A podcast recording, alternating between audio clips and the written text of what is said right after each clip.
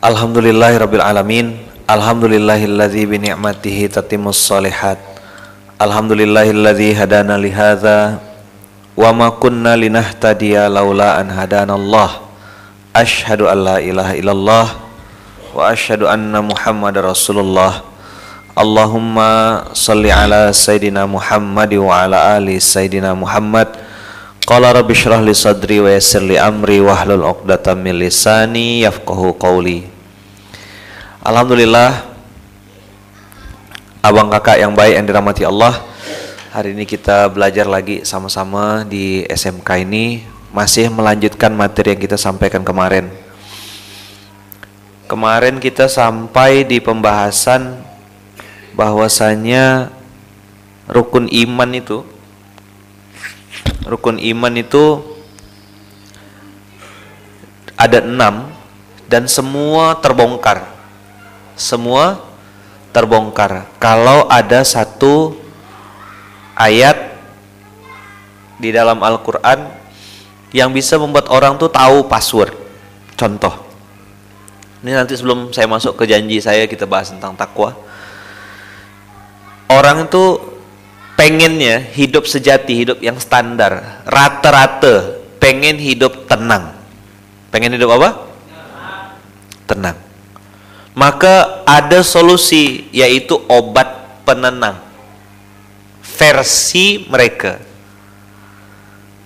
Ada obat penenang yang agak rasional yaitu refreshing ke pantai, jalan-jalan katanya touring cari tempat yang sepi betul nggak naik ke atas gunung untuk berharap dapat ketenangan.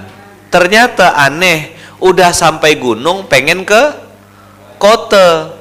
Karena nggak bisa ngupload nggak ada sinyal. Mau belanja nggak ada kantin nggak ada wifi. Di gunung serba terbatas. Akhirnya bilang aduh nah. Ternyata gunung pun tidak datangkan kebaikan bagi dia. Tidak bahagia juga. Oh mungkin pantai kali nih salah touring kita oke pergi ke pantai besoknya begitu ke pantai handphonenya kena air asin tidak ada juga sinyal yang ada cuma kelapa berharap pengen makan ayam yang ada ikan bulu ayam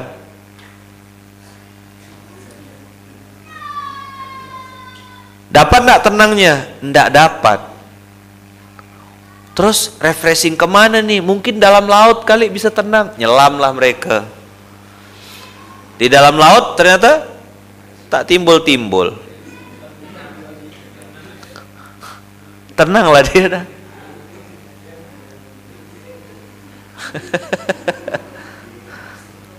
Berenang gaya batu. Tenggelam pergi tidak untuk kembali. Lah, jadi di mana sebenarnya ketenangan itu? Lalu Allah jawab, ya kan? Ala bidzikrillahi tatmainnul qulub. Hanya dengan mengingat Allah, hati akan menjadi tenang. Seandainya semua umat muslim pegang sama Quran ini, lalu tahu satu aja ayat tadi, cari tenang tuh hanya dengan mengingat Allah, maka tidak laku tuh narkoba itu idealnya tapi kan tidak gitu yang ideal betul tidak masih pengen coba-coba kan oh, salto sana tepuk sebelahnya bilang udahlah jangan salah tingkah gitu tahu bah siapa pelakunya agak tenang mau ya untung sampingnya bukan Bung Ben betul kan masalah enggak masalah. Dan hari ini banyak orang cari itu yang namanya ketenangan. Ah, uh, bisa video enggak? Sukri. Apa? Oh, gambarnya lagi patah-patah. Nanti kalau videonya udah bisa, saya akan tunjukkan teman-teman atau nanti cari di YouTube. Judulnya tuh Quran in Public. Q U R A N enggak pakai koma, Quran tulisannya in public. Quran in public.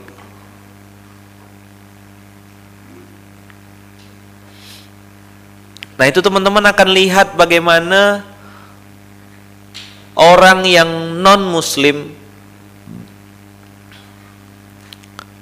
dia diperdengarkan Al-Quran untuk pertama kali lalu dia bilang saya seperti berada di dunia lain. Saya seperti berada di alam yang lain. Dapat enggak? Hai M. Adam Soleh. Udah pernah ditayangkan di Masjid Assalam Assalam iya betul tapi di sini di SMK kan belum maka lagi nunggu Pak Yai Syukri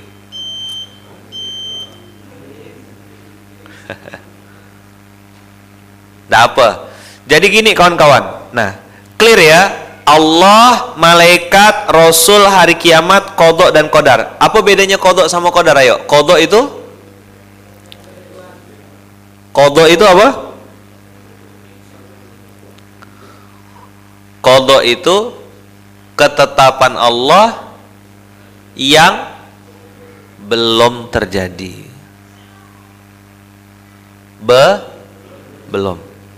Kalau kodar itu sudah terjadi. Tadi kan Bung Ben dari mana? Habis imam di Mujahidin. Nah, kalau itu sudah terjadi berarti itu kodar. kalau belum berarti masih halu. Jadi kalau belum terjadi namanya kodo. Contoh, kita mati tanggal berapa, jam berapa, di mana? Itu kodo atau kodar? Hah? Hmm? Kodok. Tapi Pak Long nikah sama siapa itu? Ah udah, lupa. Apa ya kata Pak Long ya? Kodok ke kodar ya? Yang mana ya kata Pak Long? Bilai kata dia. Udah banyak anaknya masih nanya bila. Hati-hati Pak Long balik kena kuncikan pintu. Sudah nikah atau belum? Pak Long, udah. Sama siapa Pak Long? Sama fulana. Oh, itu namanya qadar. Dan antum tahu ketetapan Allah itu sudah ditetapkan Allah 50 ribu tahun sebelum bumi dan langit diciptakan. Cuman ngitungnya 50 ribu tahun. Nah ini kalau pakai otak tidak nyambung maka rukun iman dimasukkan Allah di yang keenam ini kodok dan kodar. Percaya beriman penuh. Ada ketetapan Allah yang belum terjadi ada ketetapan Allah yang sudah terjadi. Nah kodok ini teman-teman bisa dirubah. Coba diulang. Kodok ini bisa dirubah. Al kodok jadi sesuatu ketetapan Allah yang sudah disetting 50 ribu tahun yang lalu itu bisa dirubah Allah dengan satu senjata namanya doa itu kenapa pilar dakwah pondok kita kita masukkan pilar dakwah yang kelima yaitu rezeki halal sifat dan zat. Kenapa itu masuk dalam pilar dakwah? Karena kenapa kemarin bikin gerakan sadar halal? Yang bisa merubah kodok itu doa. Nah gimana doanya mau merubah kodoknya Allah? Orang makanan kita ha haram. Cara kita dapatkan duit ndak? Benar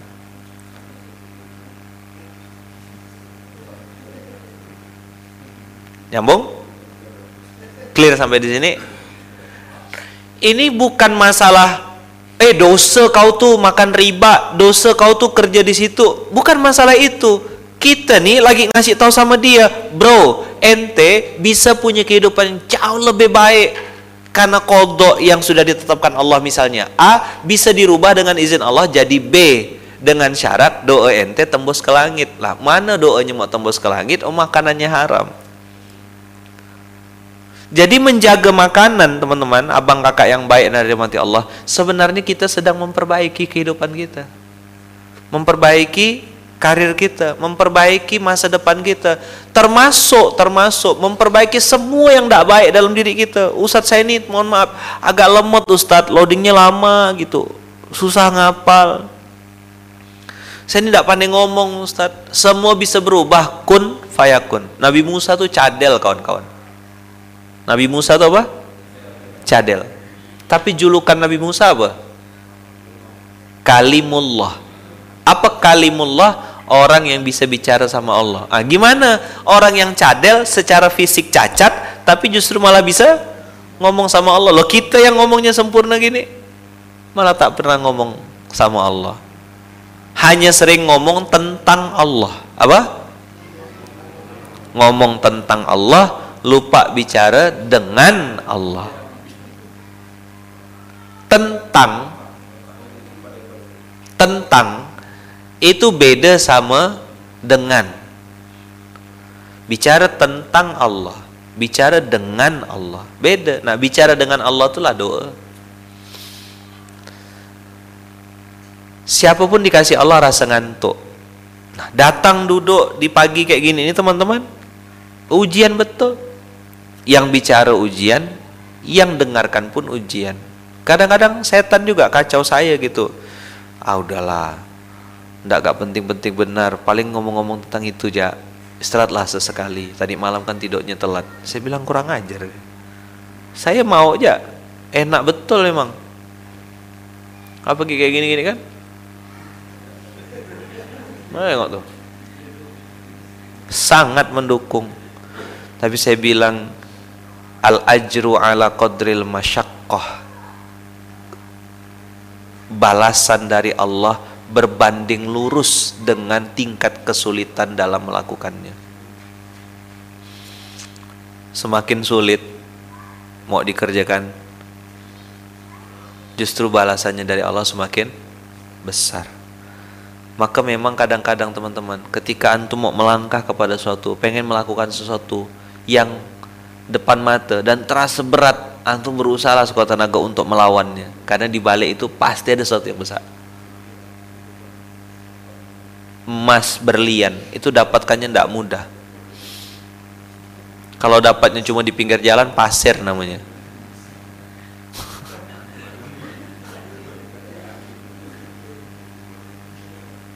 Emas berlian. Begitu juga istri yang berkualitas cari di tempat yang baik. Di mana? Di masjid. Tunggu jadi sendal-sendal perempuan tuh ketemu. Siapa yang punya sendal ini? Oh nenek-nenek. Bro bro lihat gitu kan. Nanti begitu ditengok oh sendalnya yang ini. Nanti antum yang susunkan dia udah masuk antum yang susunkan nanti baru pasang status nyusun sendal aja aku bisa pagi nyusun hatimu. Ah. pak. Walakum di dalam peti. Ya kan? Assalamualaikum ukhti hari ini orang bilang dunia chaos. Orang-orang pintar sangsut orang-orang yang katanya bikin program justru malah ngerusak kebaikan orang pintar bodohi yang bodoh orang cerdas katanya cerdas justru malah menipu Orang yang kita percaya justru malah melarikan. Kenapa begitu? Nih, beginilah gambaran dunia hari ini. Coba tengok. Gambar apa tuh, teman-teman? Orang pakai dasi, pakai jas, terus buta yang di depan, buta yang di belakang, buta yang di belakangnya lagi Antum bisa bayangkan sampai ke belakang ke belakang. Yang diikuti ini siapa? Orang buta. Bukan buta matanya, buta hatinya. Di atas panggung dia bilang kepedulian, di atas panggung dia bilang tentang peduli kepada sesama, membantu, keadilan dan seterusnya. Turun dari panggung, sama enggak yang diomongannya? Rampot. Ini fakta enggak? Nah, orang-orang kayak gini mau antum ikuti? Orang kayak gini mau dijadikan teladan, orang kayak gini mau antum ikuti, antum sama sangsutnya sama errornya.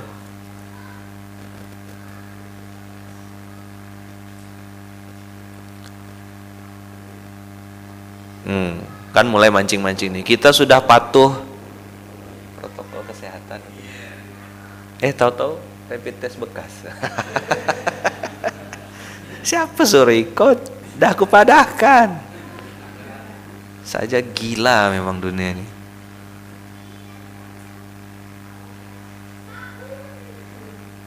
Udahlah, tidak usah lanjutkanlah. Tak kuasa saya nak ngomongkan. Saya nak gile aku. Saya nengok berita tuh, geleng-geleng kepala. Masya Allah, Astagfirullah oh saya bilang lama-lama mati saya baca berita nih. Tutup kati kau lah. Coba antum nonton? Tengok. Sama stres loh antum nontonnya tuh tuh sampai dah biru pokok sini kan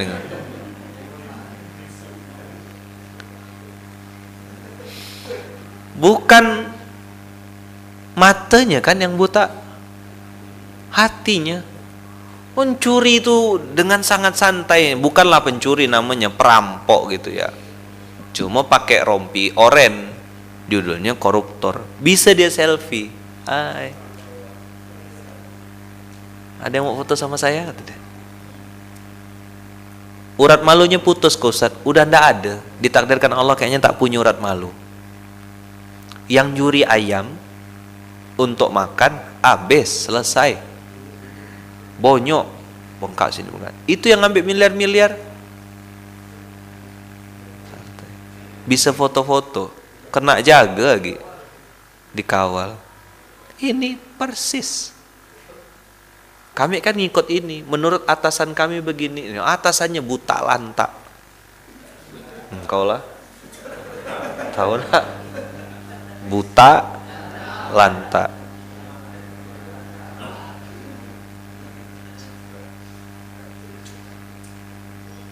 dah.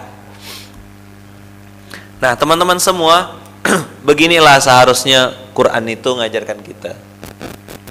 Dari Al-Quran itu kita belajar sesuatu. Apa? Ibarat fayat sama fatih. Ada ujian. Ujian filosofi apa filsafat. Lalu filsafat S3 doktor. Filsafat filsafat matematika. Terus tiba-tiba Fatih datang bilang gini ini Bang Fayat Bang Fayat bisa menyelesaikan soal-soal filsafat matematika ini dalam waktu 15 menit dan pasti betul semuanya. Pasti betul semuanya orang-orang akan bilang ah meramput Fatih meramput Fatih enggak kata Fatih betul Bang Fayat bisa selesaikan dalam waktu 15 menit dan pasti betul semua Ngeri tak kalimatnya tuh loh. 15 menit dan pasti betul semua. Mana buktinya? Mana buktinya semua orang akan tanya. Sekarang pertanyaan, sebelum saya lanjutkan. Ini Fatih yang bilang abangnya bisa menyelesaikan dalam waktu 15 menit dan pasti betul semua dianggap orang gila enggak? Kenapa? menyalahi aturan karena semua pakai otak kan bilangnya ini filsafat loh bro matematika. Filsafat ya susah udah filsafat filsafat matematika gitu nggak tahu saya ilmunya ada kata ada tuh. Nama gak nebak-nebak. Iya matematika ada filsafatnya gitu lah. Saking tingginya ilmunya tuh. Mana pak dokter matematika kita nggak datang nih. Kita tanya sama beliau ada nggak filsafat matematika kalau nggak ada kita buat seorang gitu lah Udah begitu jelas, clear, semua orang tak percaya. Fatih bilang, Bapak Ibu pasti Anda nganggap saya orang gila kan? Pasti Anda nganggap saya orang uh, eh, OTG kan? Orang tadaga. Pasti Anda nganggap saya ada orang yang tidak wajar kan? Iya, tenang Bapak Ibu, saya paham apa yang sedang Anda pikirkan. Kata Fatih. Ini Fatih udah dewasa ya. Udah agak dewasa sedikit gitu. Saya berani bilang begitu kata Fatih karena yang bikin soal adalah Ayahman yang bikin soal Ayahman dan Fatih dikasih kunci jawaban sama Ayahman. Fatih tinggal bilang sama Bang Fayat, Bang Fayat nomor 1 A, nomor 2 C, nomor 3 B, nomor 4 bisa A, bisa D. Nomor 5 B, nomor 6 B. Kira-kira betul semua enggak? Betul semua enggak? Betul semua? Oke, sekarang ngapa betul semuanya Fayat? Dikasih kunci jawaban. Pertanyaan selanjutnya, kehidupan ini persis tidak seperti ujian itu? Ada tidak kunci jawaban? Apa nama kunci jawabannya? Oh, ada Ustadz filsafat matematika. Oh, ada rupanya. Dokter Sandi yang jawab. Masya Allah. Berarti boleh kita bikin ilmu nebak-nebak nih, sebut-sebut ya. Ini teman-teman adalah kunci jawaban yang ditunggu-tunggu. Inilah kunci jawaban open book yang jarang dibuka orang. Kutiba alaikumussiyamu kama kutiba alal min qablikum la'allakum tattaqun. Kemarin kita bicara kalau bertakwa kepada Allah dikasih jalan keluar. Bertakwa kepada Allah dikasih rezeki dari harta disangka-sangka. Asal dia bertakwa, dapat kebaikan, dapat rezeki, dapat hadiah, dapat reward, dapat sesuatu yang baik-baik. Tidakkah kita bertanya kepada diri kita sendiri, apa ciri-ciri takwa itu? Bisa tidak dipraktekkan dalam Quran? Oh, sangat bisa. Apa? Sangat bisa. Di YouTube katanya tidak tidak ada wajah. Apa? Oh masih patah-patah, oke. Nanti pindah ke IG ya kalau mau ini. Tapi sebenarnya dengar materinya bukan nengok muka. Maklum lama emak nih.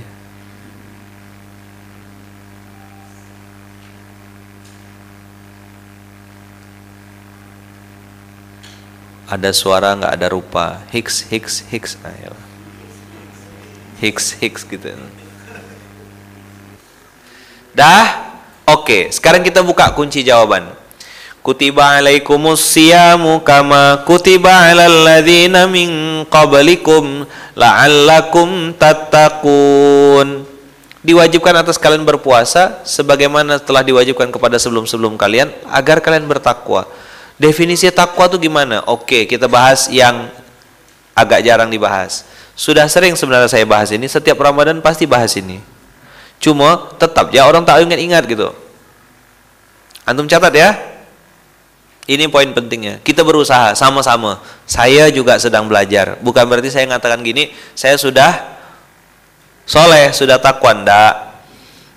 Saya sedang berusaha sedang berusaha. Ayo kita baca ayat 133 surat Ali Imran. Wasari'u wasari'u ila maghfiratim mir rabbikum wa jannatin 'arduha samawati wal ar Baca pelan-pelan ya, pelan-pelan dan berkualitas tidak apa-apa lah kita tidak banyak-banyak hari ini. Satu ayat ini kita terapkan berusaha sekuat tenaga yuk. Satu, dua, tiga.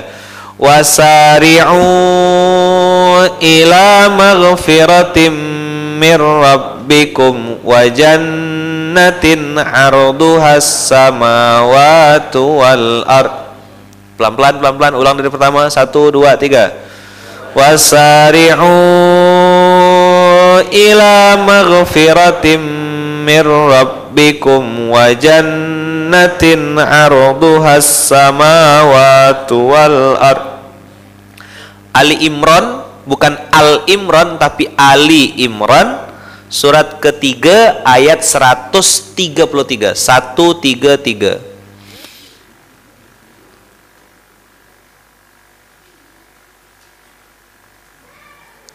wasari'u ila maghfiratin min rabbikum wa jannatin arduhas samawati wal ard uiddat lil muttaqin satu dua tiga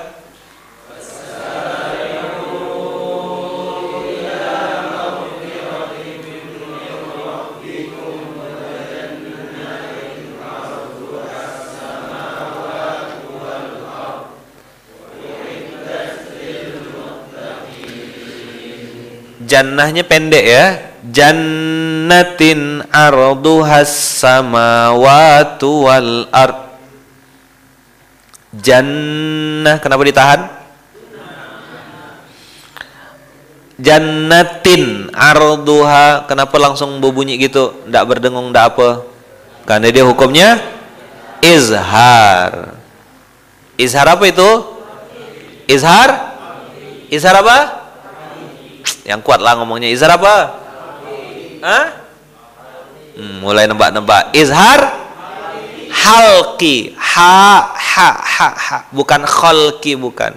halki. Halkun itu artinya tenggorokan sini. Leher. Kerongkongan. Bukan izhar khalki. Khalki itu ciptaan. Kholako. Halki. Ulang. Izhar apa? Izhar halki. Ali Imran 133. Wasari'u ila kenapa u ila kenapa panjang? Mat jais munfasil. Wasari'u ila maghfiratim mir rabbikum wa jannatin arduhas samawati wal ard uiddat lil muttaqin muttaqin uiddat lil muttaqin uiddat lil muttaqin yuk sama-sama. uiddat lil muttaqin satu dua tiga. uiddat lil muttaqin di YouTube udah tampil tuh. Slide sama wajah. uiddat lil muttaqin uiddat lil muttaqin. Nah, ada dua pesan di ayat ini yang kadang kalau baca terjemahan tidak paham. Allah, teman-teman, kalau bicara tentang dunia, Allah tuh bilang carilah gitu. Cari. Tapi untuk urusan ampunan pakai istilah sari'u. Apa itu sari'u? Bersegeralah. Artinya jangan tunda kalau yang namanya ngejar ampunan. Karena Allah tuh juga kayak nunggu betul gitu. Siapa nih yang minta ampun nih? Siapa yang datang dengan meminta ampunan? Aku akan tangkap dan sambar. Maka istilahnya untuk ampunan tuh sa sari'u. Kalau dulu dulu kita di gontor tuh bisur'ah bisur'ah asri asri cepat cepat cepat Untuk urusan ampunan Allah pakai instruksinya sari'u. Bukan wabtahu ilaihil wasilah, carilah ampunan enggak, tapi bersegeralah. Sini bang, sini kak. Untuk urusan ampunan bersegeralah. Satu. Lalu Surga yang luasnya seluas langit dan bumi itu Allah sediakan bagi orang-orang yang bertakwa. Nah, ginilah teman-teman, kita perlu belajar Quran ini pakai guru. Dua, kita harus bisa komprehensif. Nanti dari sini lompatnya ke sini, nanti ayat ini nyambungnya ke ayat ini. Hebatnya Quran tuh mau mulai dari mana pun tetap connect dia. Nah, itulah banyak orang masuk Islam akhirnya jadi percaya sama Quran Tanya nanti sama siapa yang baru percaya sama Quran tuh tanya nanti. Ya, siapa yang baru percaya sama Quran?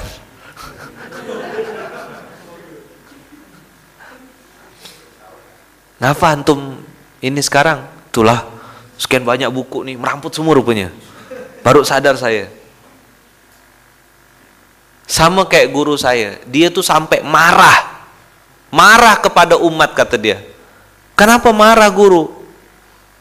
Karena orang ini menganggap saya akan paham Quran dengan sendirinya. Saya akan bikin apa? Saya akan mengerti Quran itu dengan sendirinya. Kenapa tidak ada orang yang memaksa saya untuk memahami isi Al-Quran ini supaya kehidupan saya jadi benar? Saya dipaksa jadi tunanetra. Saya tidak dipaksa untuk paham bahasa Arab. Ternyata saya tersesat jauh selama ini dan saya menganggap saya benar. Nah kemarahan orang alim ini, kemarahan orang soleh ini menjadikan sesuatu yang baik. Beliau ini perantau dari Pakistan, merantau ke Amerika, lalu bikin sekarang yang namanya Bayinah TV. Itulah yang sekarang kita kenal Ustadz Nauman Ali Khan. Beliau itu marah asalnya, tidak paham Quran. Kenapa orang-orang pada tenang ya kata dia?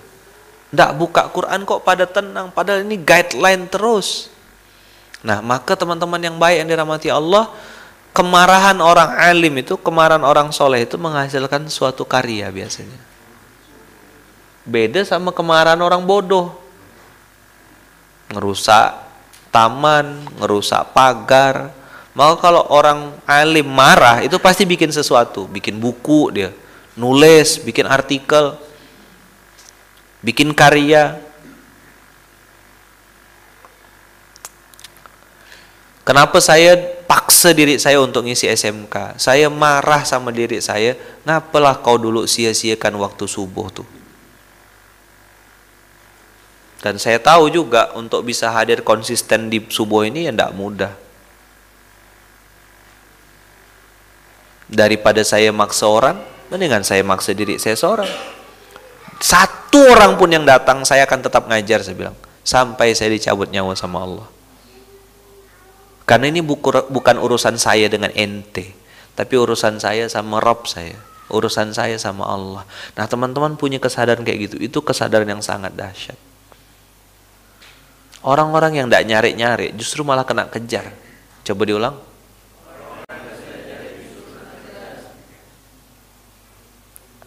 Yang minta-minta, yang nyari-nyari justru malah dijauhi. Orang-orang yang tidak cari fans, tidak cari follower, tidak cari pengikut. Berbuat ya berbuat ya. Ngajar ya karena memang pengen ngajak orang jadi baik udah itu aja titik nggak ada cita-citanya gimana gimana pokoknya disayang muridnya disayang santrinya disayang ininya ngajar ya ngajar aja coba antum tengok peradaban-peradaban besar yang dihasilkan kiai-kiai pondok-pondok yang dengan izin Allah membesar dan dibesarkan Allah tanya gimana kiai manajemen pondok modern manajemen pesantrennya tak ada kata kiai aku ngajar ya Berbondong-bondong orang datang dari seluruh Indonesia. Dianya tidak berpikir kalau nanti santrinya ramai. Awalnya kan di masjid. Orang suka, orang nyaman, bikin pondok di samping masjid untuk nginap santri yang jauh. Tak cukup lagi, bikin lagi, bikin lagi, bebaskan lahan. Begitu kan bertumbuhnya. Tapi induknya, induk semangnya apa? Masjid. Beda sama yang dapat duit, tumpuk, bikin gedung, bikin apa, pasang pelang, menerima santri. Beda.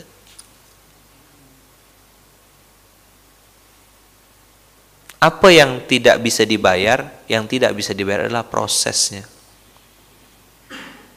Nah, Masjid Kapal Munzalan ini dengan izin Allah membayar prosesnya. Salah satu cara di awal-awal dulu saya dengan Bang Nur Hasan dengan keterbatasan kemampuan dan ilmu kami dulu cara yang paling mudah ya jemput bola. Tangkap jamaahnya. Ada dapat satu dirawat baik-baik dijaga baik-baik dibesarkan hatinya. Oh enggak apa-apa tenang ya bang. Mana bisa ikut pelatihan masjid bilioner satu hari terus berharap masjid langsung ramai.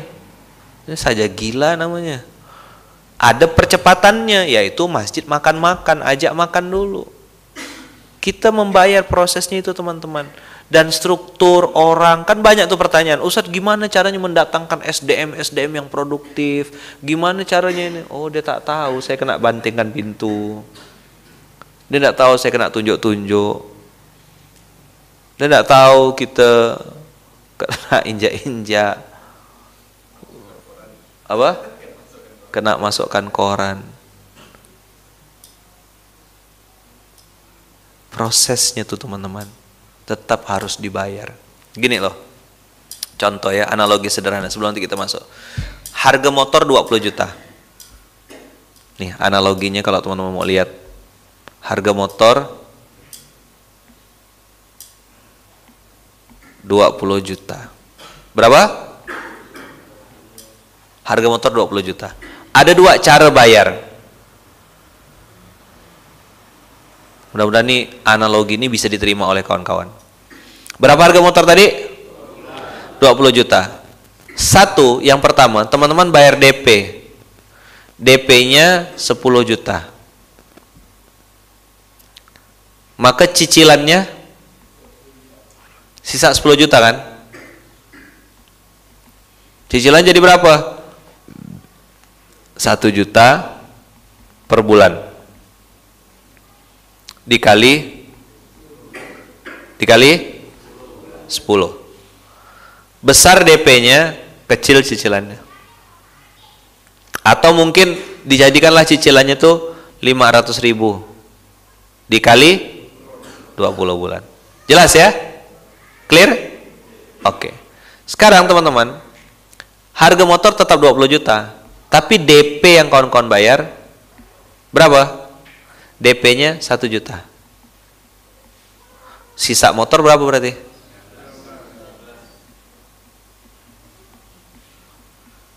Dah. Cicilannya jadi berapa? 19 uh, sorry, 1 juta dikali 19 atau 500 ribu dikali 38 kali. Pertanyaannya teman-teman, apa yang membuat cicilannya itu jadi berkurang? DP. Betul tak?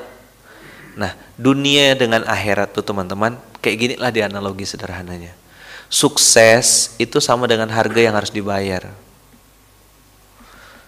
Tinggal pilih aja, antum mau bayar DP di awal besar atau mau nyicilnya besar. Kalau saran saya, Allah udah kasih tahu di wasari ila magfiratin, perbesar DP-nya di awal. Di dunia ini bayar DP-nya, bayar prosesnya. Karena harganya tetap harus 20 juta. Nah, antum nanti sore pada asar pahamnya pun tidak apa-apa. Yang penting foto ya dulu. Paling tidak siang ini ngangguk-ngangguk dulu pagi nih. Oh, paham? Enggak, Ustaz. Enggak apa nanti dah dua tiga tahun baru oh ini ya, ya begitu emang kualitasnya ya tidak apa-apa. Kalau orang-orang yang biasa main-main sama ini sih biasa tuh paham. 20 juta harga motornya. DP 10 dengan DP 1 juta. Maka ketika antum perbesar DP cicilan ringan. Antum kecil DP nya cicilannya besar. Gitu memang Nah, mau pilih yang mana? Terserah, saya kan tidak mungkin paksa. Dah, clear ya? Oke, kita masuk kepada ayatnya. Siapakah orang-orang mutakin yang disebutkan Allah itu? Nah, saya kemarin bikin singkatan, udah bertahun-tahun. Bertahun-tahun nyampaikan ini. Alladzina yunfiquna fis sarra'i wad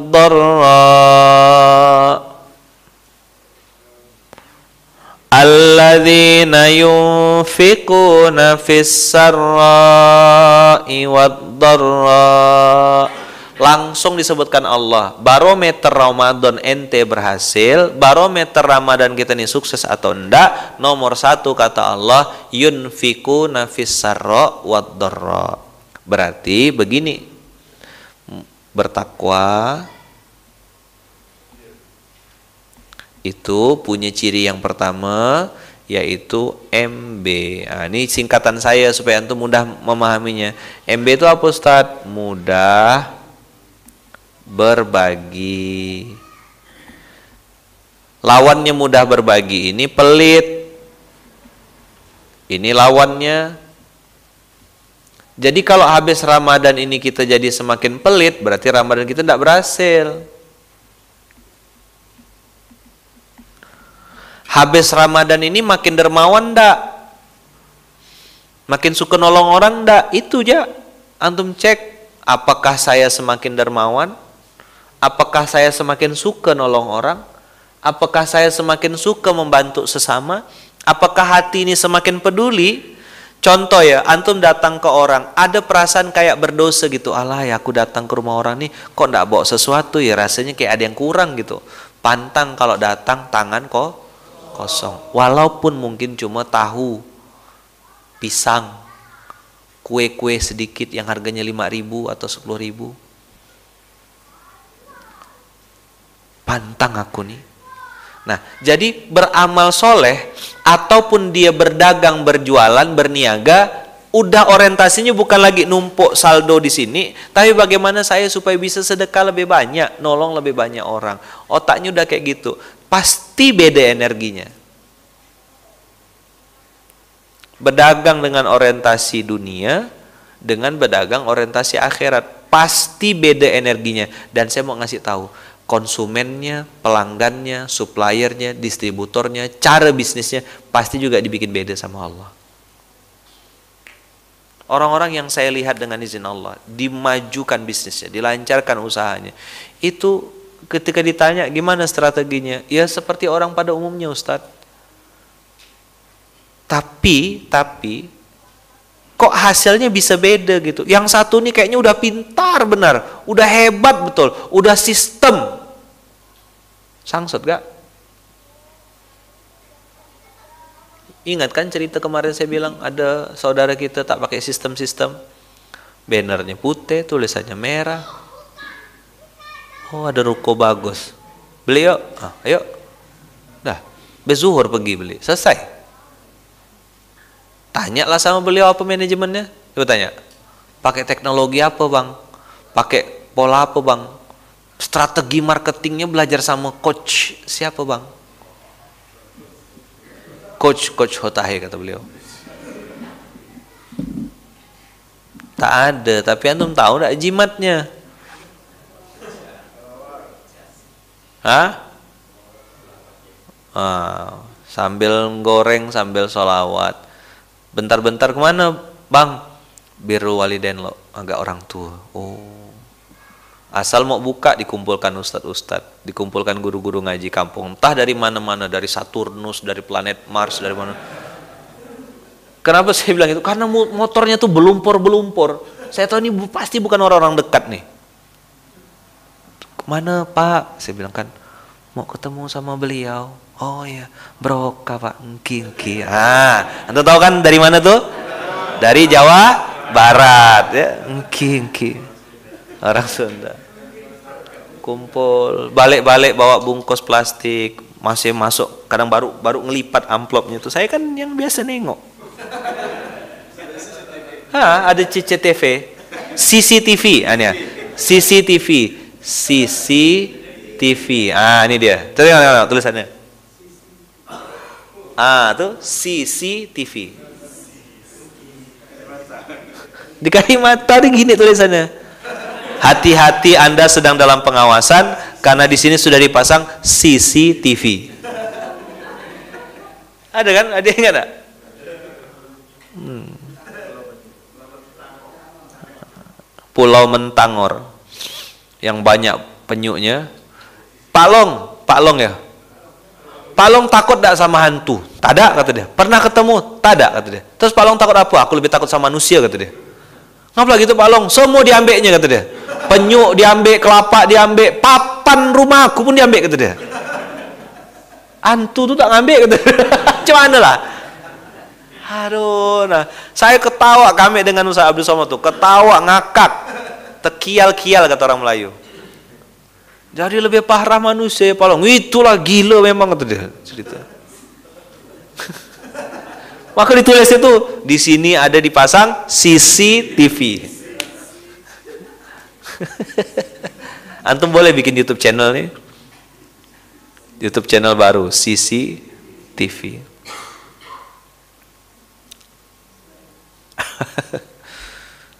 Mudah berbagi. Pelit, Ramadan tak lulus. Baru sensor satu. Titit titit tit. Ramadan pertama ujiannya adalah dermawan. Pagi, siang, sore, malam, otaknya apa yang mau aku kasih, apa yang bisa aku berikan, what can I do, what can I give? Jadi tanda kutip orang yang tidak paham berpikir dia ini serakah, semuanya pengen diambil. Tidak, dia tuh sedang berpikir gimana saya bisa dapat lebih untuk bisa saya geser lebih. Untuk diri saya sudah cukup.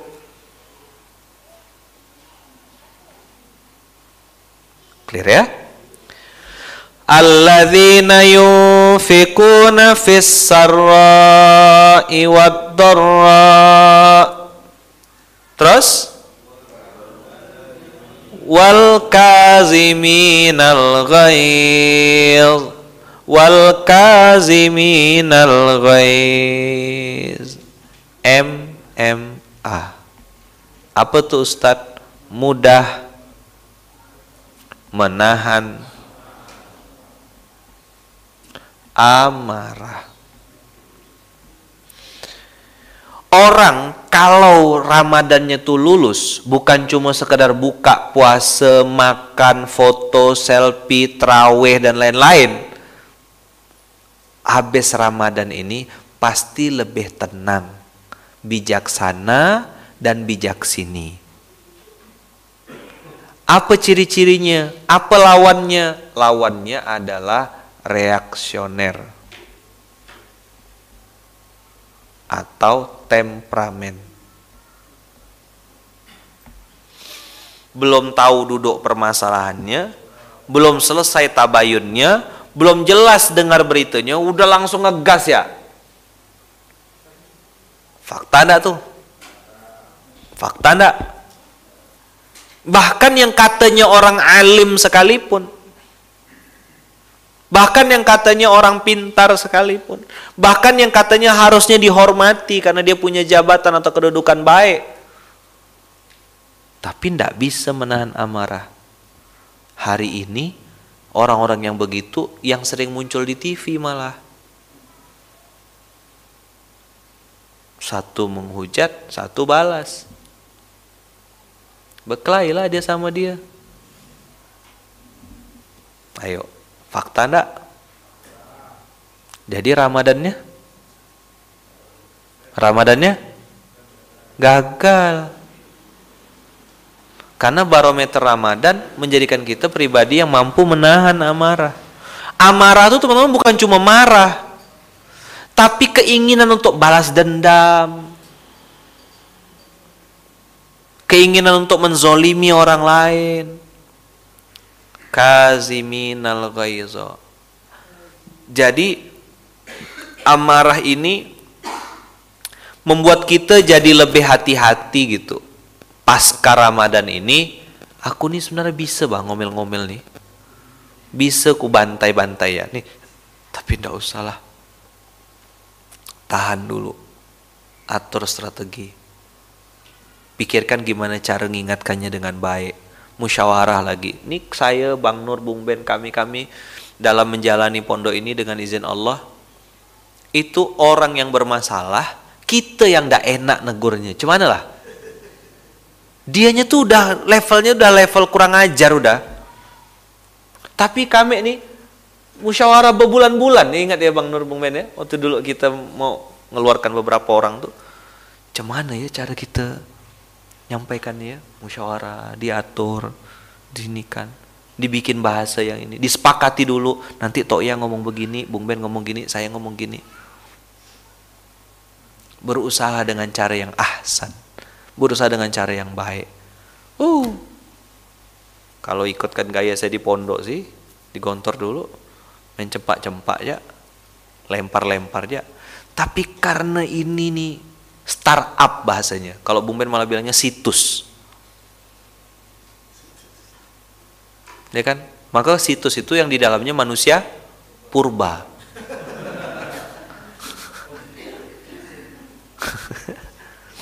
fosil-fosil semua. Eh tengok tuh. Ah. Muka-muka kayak Bang Moyo kan. Bang Jerry, Pak Long, itu tengok langka orang sudah modern dan kegila-gila semuanya. Transaksional aku dapat berapa? Mana duit aku? Di sini diajarkan keikhlasan. Di sini disuruh praktek lakukan dan lupakan.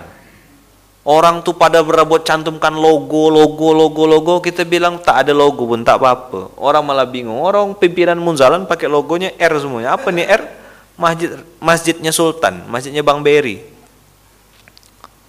kadang logo sini apa sini apa sini apa.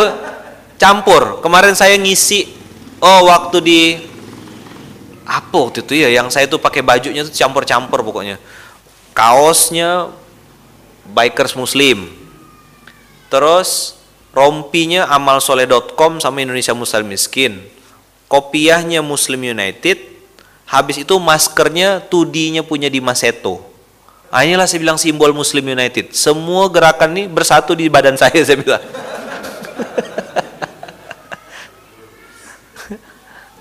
saya tidak perlu teriak-teriak tentang ayo bersatu umat muslim, ayo kita sama-sama rendahkan ego. Ah, saya bilang, antum tengok yang ada di badan saya ini, saya bilang. Action speaks louder than words. Oh di Kampung Hening. Oh iya di Ustadz Jamil Azaini sama Bunda Sophie Beatrix. Lihat saya bilang, Pernah lagi saya waktu itu pakai baju apa, pokoknya campur-campur. Kita udah selesai dengan urusan logo dan simbol. Jangan jadi penyembah berhala. Jangan jadi penyembah berhala. Ini kan kelompok aku, bukan kelompok aku musuh.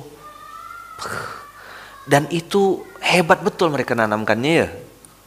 Berhasil bertahun-tahun. Kita yang penting program, yang penting program jalan. Kemarin saya bikin lagi satu lagi malam-malam sampai jam 1 ada bikers peduli insya Allah coming soon tunggu nanti tanggal mainnya rahasia pokoknya main mobil-mobilan lah kita habis ini. Antek marun lah pokoknya. tunggu tanggal mainnya insya Allah nah, yang tak punya mobil pakai mobil-mobilan dulu. Ditarik seorang. Eh, tali tapi ya. Aha. beli di pasar tengah banyak tuh jual.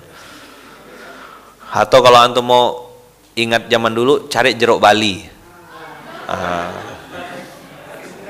terus bikin ban tusuk pakai lidi ah tarik Nah, kasih sabun beda. Kalau mau bikin kapal pakai sabun B29 pakai daun. Nah, kayak sabun. Ada yang pernah main itu? Tepuk bilang, kau udah tua dah gitu.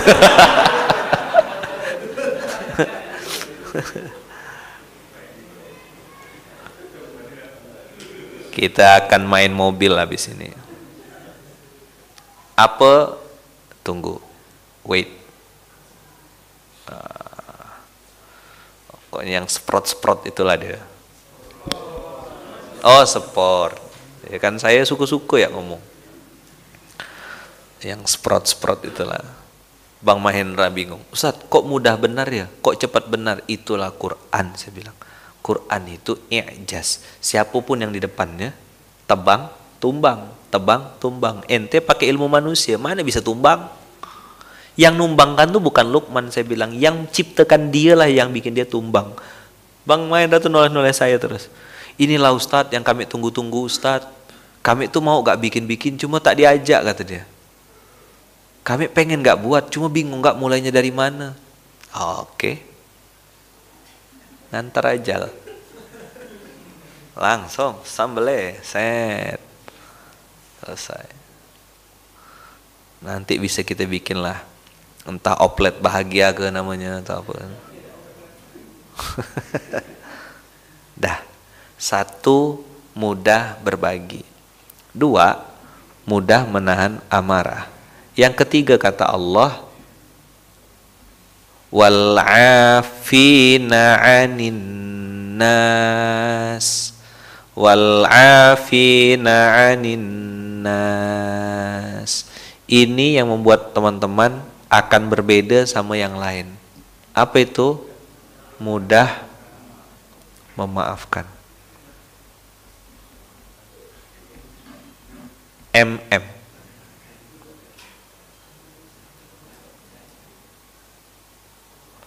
IMM Indonesia mudah memaafkan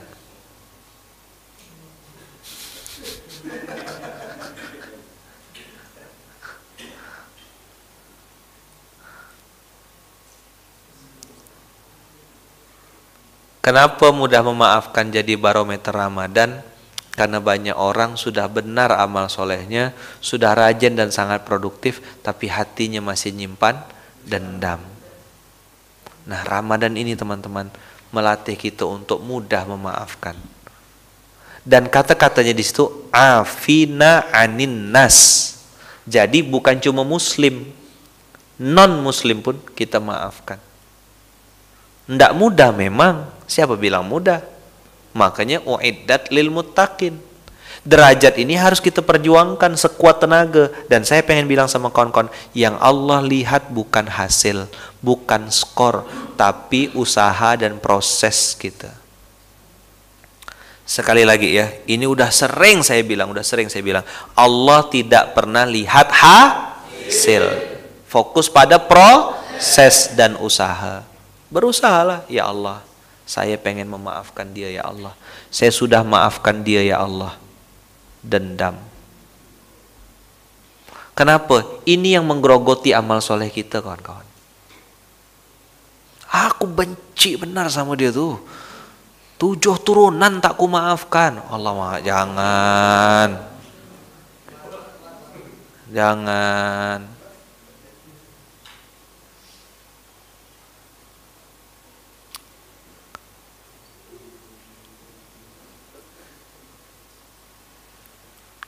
Sakit. Saya ngalami. Gimana orang yang saya bantu misalnya orang yang kita support, orang yang kita backup, orang yang kita besarkan, orang yang kita kasih panggung, dia nginjak-nginjak kita itu cuma ceritanya. Dari mulai dia kita ambil dari tempat yang yang begitulah pokoknya. Tangkap, kasih panggung, kasih kesempatan, kasih ini. Begitu naik, dia yang mangkung kita. Saya kok pakai cara gontor dan setempel yang bolak-balik. Tapi waktu itu saya bilang, tak ada kayak gini Qurannya. Quran tidak bilang begini, ya udahlah. Jadi kadang setan juga bilang, ah jangan tengok, jangan tengok, jangan tengok, perawatan tengok, perawatan tengok.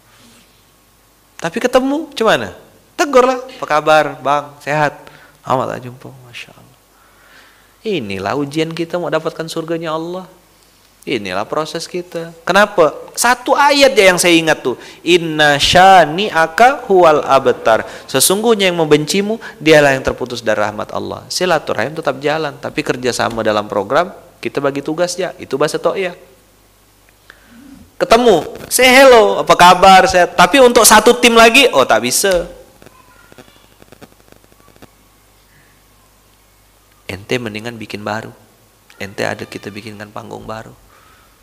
Tapi kalau untuk jadi jamaah, sholat bersama di Munzalan, wah alan wasalan. Jadi jamaah, siapa yang melarang? Tapi untuk jadi SPA, santri penerima amanah, ada di dalam ini, oh mohon maaf, kita harus seleksi ikut. Samikna, wa atona. Yang antum taati, pimpinannya, unsur pimpinannya, lembaganya, institusinya. Mohon doanya, habis ini kami, pimpinan pondok dan juga para direktur, mungkin habis sarapan, atau gimana? Sarapan dulu atau Tidak ada.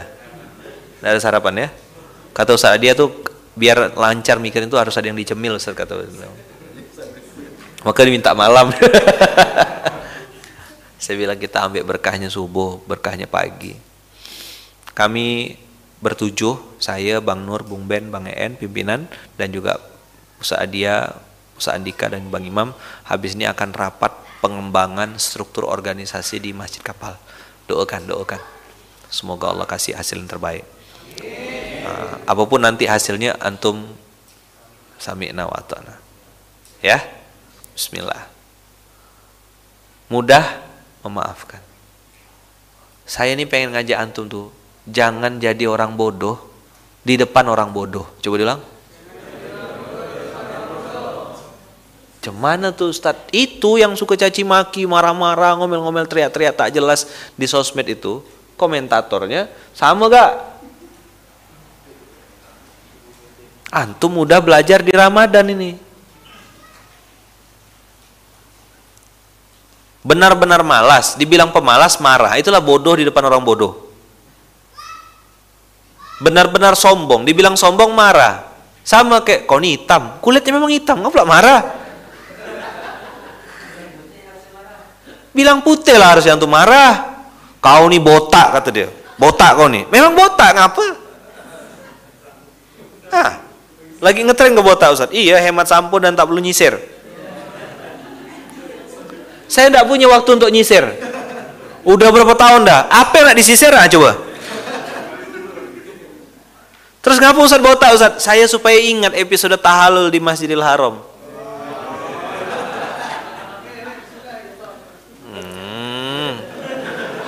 Saya botak nona rente udah tahu. Inilah yang saya, saya bilang, botak depan banyak mikir, botak belakang pintar, botak depan belakang dia pikir dia pintar. Jelas. Terus kami Ustaz ndak botak depan, ndak botak belakang. Nah, itulah ndak pintar, gak ndak gak mikir gitu loh.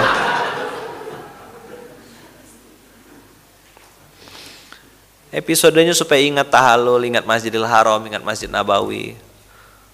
Nah, begitu saya botak, panjangkan sedikit janggut, macam Ahmad Dhani udah dibilang Ahmad Dhani yang macam saya.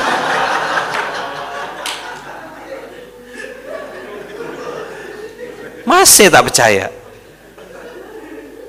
Iya kan? Ahmad Dhani yang mirip, sampaikan salam saya. Satu saat dia akan sampai ke sini juga. Duduk dengarkan SMK situ. Terus saya tinggal bilang, eh botak, saya bilang. Dia bilang, eh sama kata dia.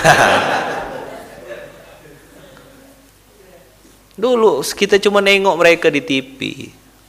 Someday suatu saat nanti mereka akan sama-sama. Fitrah aslinya pengen cari Allah kan. Aku bukan nak ngajak kau join bisnis aku, aku bukan nak ngambil duit kau. Aku punya gak duit, punya gak rekening, punya gak saldo. Tidak banyak sih, tapi warnanya merah-merah lumayan lah sedikit-sedikitnya. Ustaz pamer kata ada ngasih tahu. Ngasih tahu. Ada yang belum dapat hadiah kan? Satu ya yang kuharapkan, aku mau ngajak kau balik ke Allah, ngajak kita balik ke Allah ngajak kita ngerasakan apa yang aku rasakan. Enak loh tinggal di masjid itu, enak loh jadi ormas itu, bahagia loh ngurus anak yatim itu. Antum pengen tidak dapat kebahagiaan yang seperti saya rasakan? Tugas saya menceritakan. Oh ternyata setelah bisnis saya tuh dibayar dengan zakat, ada zakatnya, ada infaknya, hati lebih tenang. Ketika saya sekeluarga suami istri mulai melangkah ke masjid, hati lebih nyaman. Itu masa kita mau makan seorang kenikmatan itu? Kita pengen ngajak orang banyak. Itulah Nabi Muhammad SAW ketika ditakdirkan Allah di Sidratul Muntaha ngelihat surga. Apa yang kau harapkan ya Muhammad? Aku pengen balik lagi ke bumi supaya umat-umatku bisa merasakan nikmat yang Allah sudah siapkan ini. Masya Allah. Mudah memaafkan. Tiga, Yang keempat,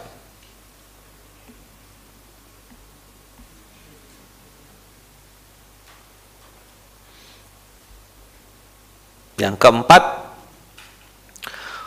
kaziminal ghaiza wal afina 'anin nas. Terus lanjutannya Wallahu yuhibbul muhsinin. Allah tuh suka sama orang-orang yang berbuat baik. Berbuat baik itu apa? Dia punya kesempatan balas dendam tapi masih memaafkan. Itu namanya muhsinin. Berbuat baik sama orang yang jahat sama kita, itu muhsinin. Maka tagline kita jangan bosan jadi orang baik. Walladzina idza fa'alu fahishatan aw zalamu anfusahum Zakarullaha fastaghfaru lidzunubihim. Oh, ada ayat begitu rupanya kata Allah. Apa itu? M M A kuadrat. Apa M M A kuadrat Ustaz? Mudah meminta Zakarullah Zakarullah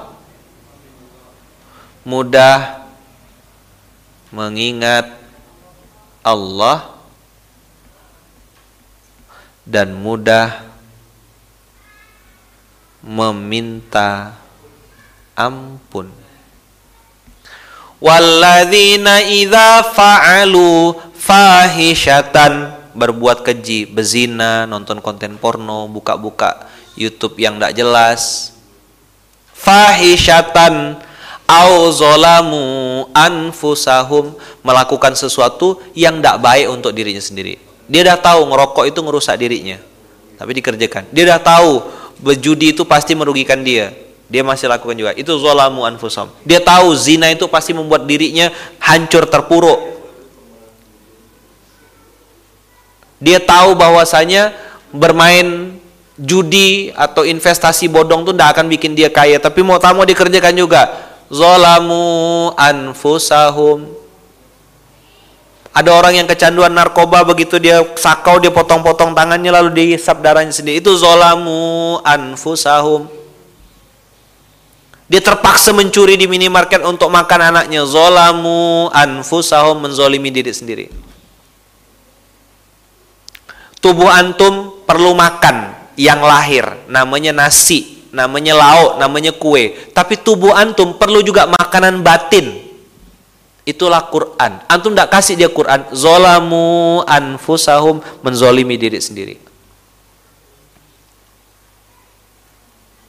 berbuat sesuatu yang di luar fitrah asli manusia itulah zolamu anfusahum.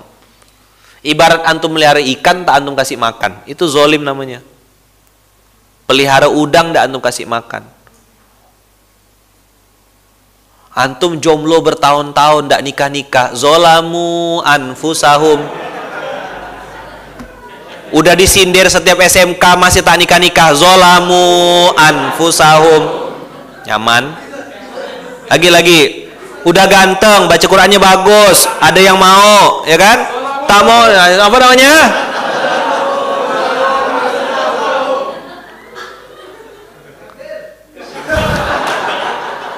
saya kira materi hari ini selamat saya mana bisa ramput ya ente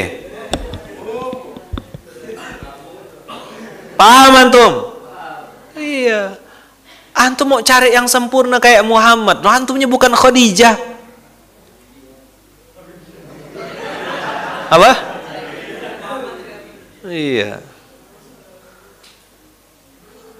Zolamu anfusahum. Kira dah selamat dah aku nih kata dia. Tak bisa. Masih panjang Ramadan nih. Habis Ramadan masih ada Syawal. Syawal bahas lagi. Sampai Idul Adha. Sembelih. Ah, jangan ya dekat-dekat sapi atau kambing. Kena juga jomblo Ustaz, wajib. SOP.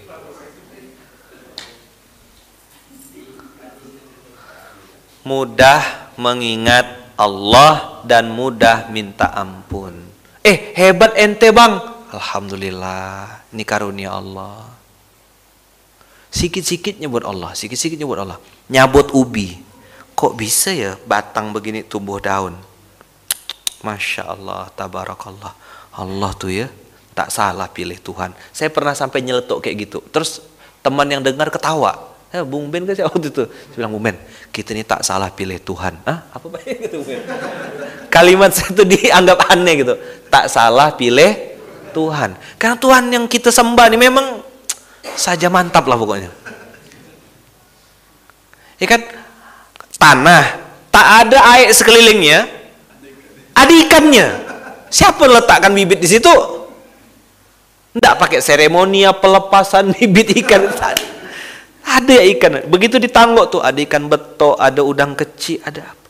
Masya Allah. Waktu kita ke Karimata yang naik ke atas tuh, kan? naik kan naik ke atas.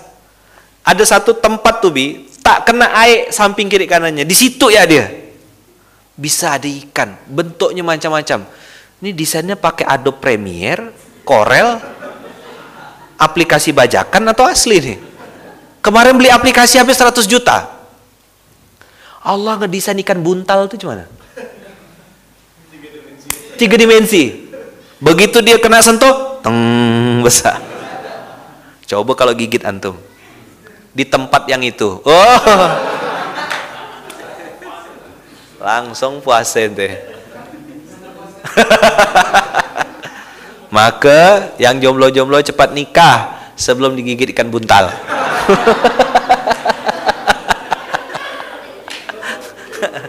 nah, itu ya jadikan kaos lah, jadikan kaos.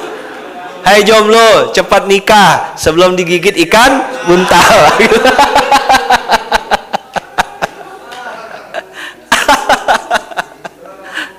Zalamu anfusahum. ya Allah. Astagfirullahaladzim. Ah, tuh. Ah. Ustaz pengen tahu dong siapa orangnya Ustaz. Ah. Jangan sampai saya lelang di sini. Saya suruh maju selesai ente. Ah, itulah. Oh ya kemarin kena lelang laku dah ya.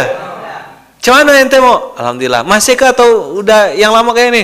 Yang lama Ustaz. Kok dia nolak? Alhamdulillah Ustaz hatinya dilembutkan Allah. Iya. Yeah. Kena tolak. Terus tiba-tiba mau. Yang lama kayak yang baru? Yang lama Ustaz. Kok dia mau? Itulah Ustaz hatinya dilembutkan sama Allah. Hmm. Giliran kayak gini hatinya dilembutkan Allah. Kemarin kau bilang ke mana Allah?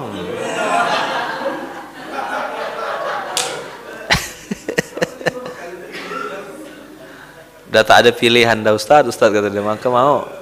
Saya belum ketemu Ahwat, nanti mau saya tanya. Antum ini dalam sadar atau dalam keadaan hipnotis? ah, kok bisa kemarin tak mau, hari ini kok bisa mau? Gimana ceritanya? Itulah Ustaz. Salah juga saya waktu itu ngomong misalnya. Saya belum percaya lah, belum ketemu sama anak itu mau saya panggil loh nanti. Kasih daun bidara dulu, rukyah bentar itu. sadar eh aku lagi di mana nih kata dia nah, atau tanyanya pas habis buka puasa. Ya kan? Oh, baru dia nyambung masya Allah tabarakallah. Jadi orang yang ramadannya itu berhasil apabila dia berbuat kemaksiatan atau menzolimi dirinya sendiri zakarullaha fastaghfaru lidzunubim dia langsung ingat Allah dan langsung minta ampun.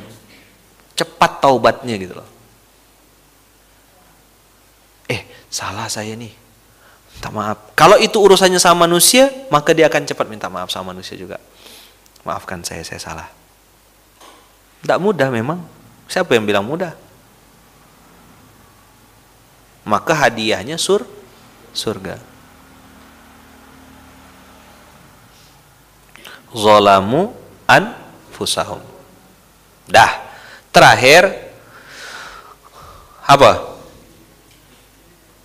Walam yusirru ala ma fa'alu. Wahum. Ini loh.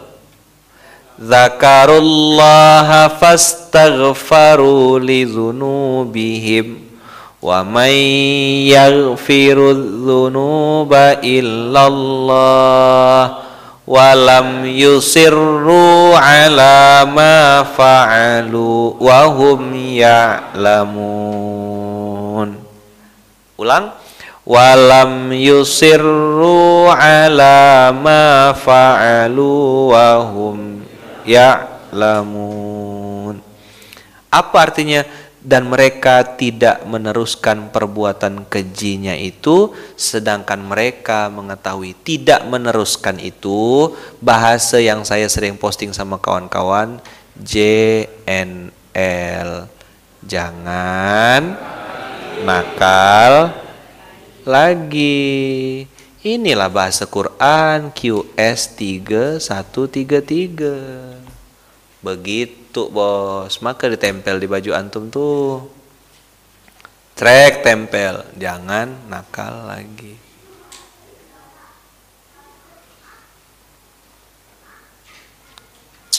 Jelas? Apa tagline-nya? Jangan nakal lagi. Udah cukup-cukup dah nakal. Ya kan? Kenakalan remaja kenakalan orang tua dulu udah cukup dah salto-salto buta-butakan orang bual-bualkan orang cari duit dengan cara-cara yang haram. Cari duit dengan cara yang tidak benar udah cukup itu. Tidak tenang juga kan? Tidak dapat apa-apa kan? Tidak bisa dinikmati kan? Jadi apa? Mana mana barangnya? Mana hartanya? Duit hantu dimakan setan. Tak ada tidak bisa. Maka saya bilang kita pernah salah tapi pengen soleh. Kita pernah salah, tapi pengen soleh. Maka JNL ini jangan nakal lagi. Inilah konsep yang diajarkan Allah untuk orang-orang yang pernah salah seperti kita. Apa bahasa Qur'annya? Walam yusirru ala ma fa'alu wahum ya'lamun di lubuk hatinya yang terdalam dia tahu kalau mencuri korupsi ngambil duit rakyat itu tak benar tahu dia tuh Tapi kenapa dilakukan? Temannya bilang, ah lalu cuma ngambil 3 miliar, atasan lu ngambil 30 M. Oh iya, oke lah, ya eksekusi, ntar bagi-bagi ya. Yang dikorbankan pasti anak buah lah. Induk-induknya masa tidak ngambil juga. Betul lah Bung Ben? Yang di atas-atas itu? Ambil semua kan? Bukan kita tak tahu. Kita paham tidak cara main mereka tuh? Tahu. Kok bisa tahu? Kan pelaku juga. Cuma skala kecil. 100 200 ribu, sejuta dua juta. Sampai saya tuh waktu itu berpikir, cemana mau nunjukkan saya nih kaya ya, pakai jam tangan tiga kanan tiga kiri ke? Dia bilang gila. Pakai kacamata. Sampai tiga lapis. Gila. Pakai baju lima lapis. Demam kata orang. Pakai sepatu kanan semua. Sedeng. Apa yang berlebih-lebihan tuh yang membuat hebat tuh apa gitu? Terus bawa punya mobil lima, dinaik lima-limanya gitu. Nah, kaki kanan di mobil kiri gitu. Tak bisa. Nafsu pengen ngambil, pengen ngumpulkan, pengen banyak, pengen nambah saldo, pengen apa. Kalau kebahagiaan antum nengok saldo, antum cetak sendiri, print seorang, beli printer banyak tuh. Nanti tanya Bung Ben cara ngeprint yang bagus. Iya kan? Bang Hendra tahu kan merek printer yang ada di bank-bank tuh tahu kan? Nah, beli nanti sini saya print kan. Mau angka berapa Arjal? Nah sini. Saldo nah sprint ya. Ini orang gila luar biasa. Nengok buku tabungan. Ah, nambah suka. Kerjanya tiap minggu bolak-balik ke bank cuma cetak apa rekening koran ya. Ya Allah. Mati yang make orang lain. Kalau itu perempuan, begitu mati yang nikmati istri baru. Ha, nyaman? Hmm, tumpuk-tumpuk lah harta tuh. Tupperware disimpan, blender disimpan, ini disimpan, semua dijaga simpan-simpan. Begitu meninggal, istri barunya panen. Alhamdulillah, harta karun, harta karun.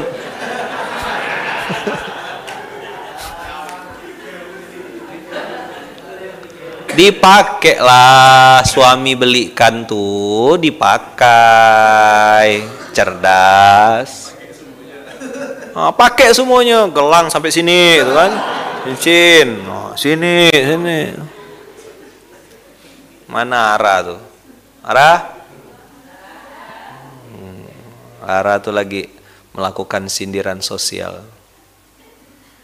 Aljeng, halo Jeng. Jam tangan nak kejeng kita yang nengok tuh salut atau mual? Hah? Hmm sampai bersen-bersen kawan tuh ya rahamukallah langsung bersen. Keluar setannya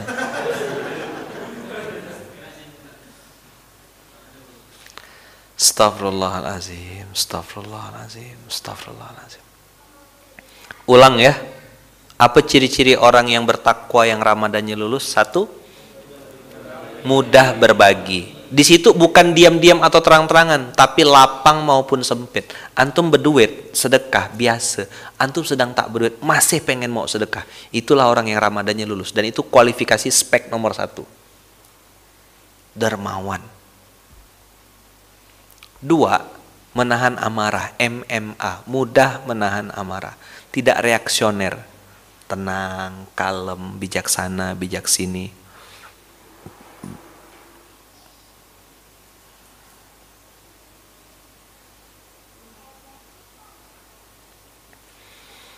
Yang ketiga MM, mudah memaafkan. Kalau habis Ramadan masih jadi pendendam, berarti Ramadannya tidak berhasil hanya sekedar makan dan minum nahan lapar nahan haus sudah segitu ya level Ramadannya yang keempat MMA kuadrat mudah mengingat Allah dan mudah minta ampun. Dan yang kelima, yang kelima, jangan nakal lagi. Bismillah. Ini yang bisa saya sampaikan teman-teman semua. Jazakumullah ahsanal jaza. Ingat tadi kalimat yang saya sampaikan, Allah tidak pernah melihat hasil. Allah lihat proses. Bersabarlah dengan prosesnya. Bersabarlah. Ya Allah, saya sedang berusaha ya Allah, sedang berusaha ya Allah. Saya sedang berusaha. Saya sedang berusaha. Berusaha untuk memaafkan, berusaha untuk menahan amarah, berusaha untuk berbagi, berusaha untuk mengingat Allah, berusaha untuk minta ampun lebih sering, berusaha untuk tidak nakal lagi. Kita semua pernah salah, tapi pengen soleh. Kita pernah bermaksiat, tapi pengen taat. Pernah bermaksiat, tapi pengen taat. Pernah salah, tapi pengen soleh. Mudah-mudahan Allah bukakan pintu kebaikan, pintu kesempatan, pintu peluang untuk kita berproses di jalan yang benar. Dah, tidak usah izin-izin, antum share saja. Silakan share, dibikin singkatan-singkatannya. 1 MB, 2 MMA, 3 MM, 4 MMA kuadrat, 5 JNL jangan nakal lagi. Inilah barometer Ramadan kita.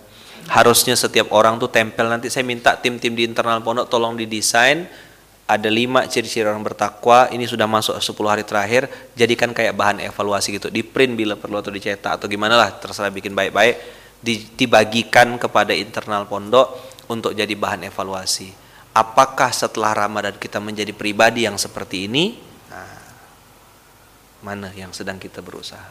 Lima poin. Satu, mudah berbagi. Dua, mudah menahan amarah. Tiga, mudah memaafkan. Empat, mudah mengingat Allah dan mudah meminta ampun. Lima, jangan nakal lagi. Jazakumullah ahsanal jaza. Insyaallah besok masih kita terus belajar lagi entah apa lagi ayat Quran yang akan Allah kasih untuk kita belajar besok yang jelas kita minta semoga Allah bimbing kita dalam kebaikan Jazakumullah khairan, jazakumullah ahsanal jaza. Allah melihat proses. Allah melihat proses, bukan melihat hasil. Jadi teman-teman, berproseslah yang benar, berproseslah yang sabar. Jazakumullah ahsanal jaza. Bismillahi tawakkalna 'alallah. La haula wala quwata illa billahil aliyil azim. Subhanakallahumma wa bihamdika asyhadu an la ilaha illa anta astaghfiruka wa atubu ilaik. Kita tutup dengan hamdalah. Alhamdulillahirabbil alamin. Assalamualaikum warahmatullahi wabarakatuh.